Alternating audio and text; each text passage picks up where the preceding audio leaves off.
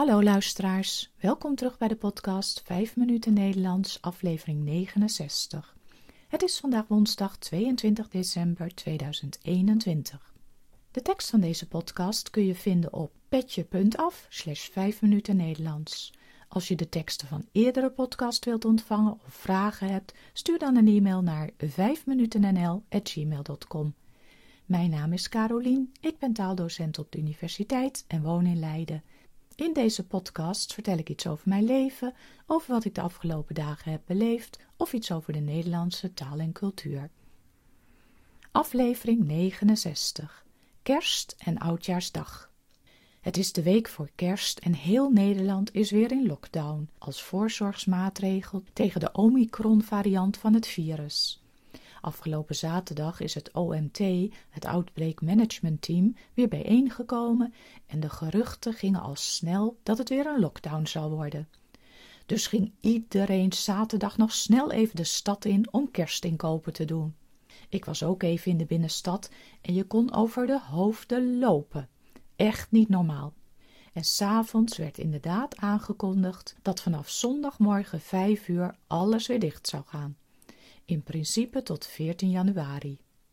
De basisscholen zouden al dichtgaan vanaf 20 december, dus de leerlingen hadden een weekje extra vakantie, maar nu zijn ook de middelbare scholen en het hoger onderwijs gesloten. Gelukkig zijn bij ons de colleges bijna allemaal afgerond en zijn er alleen nog wat tentamens voor een paar vakken.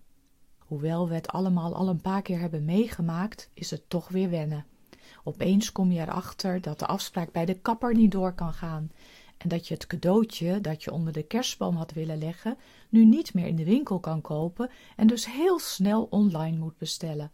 Anders heb je het niet meer op tijd in huis. Het aantal personen dat je in huis mag ontvangen is teruggeschroefd naar twee. Maar voor de kerst en oud en nieuw is gelukkig een uitzondering gemaakt. Dan mag je maximaal vier mensen thuis ontvangen. Ik was helemaal blij toen ik dit hoorde, want wij hadden plannen om eerste kerstdag naar mijn moeder te gaan. Zoals jullie misschien weten is mijn moeder behoorlijk op leeftijd en kan ze niet meer bij ons komen. Het zou dan toch wel erg sneu zijn als wij dan ook niet bij haar konden komen. Maar gelukkig dus wel. Ik heb een gevulde kalkoen besteld en we nemen alles mee voor een gezellig etentje bij haar thuis. Ook Lotte komt met de kerstdagen naar huis en gaat mee naar oma. De kerstboom is opgetuigd. We hebben al jaren dezelfde ballen en strikken in de boom hangen. Daar zit een heel verhaal aan. Zo'n 25 jaar geleden werkte ik voor een commercieel bedrijf waar ik veel contact had met een van de duurste hotels in Amsterdam. We organiseerden daar vaak bijeenkomsten, dineetjes en ook boekten we daar kamers. Blijkbaar waren we een goede klant, want met kerst werd bij ons bedrijf een kant-en-klare kerstboom afgeleverd. Met mooie ballen, lampjes en rode strikken. Omdat ik de contacten met dit hotel onderhield, zei mijn baas dat ik de kerstboom maar op mijn kantoor moest zetten.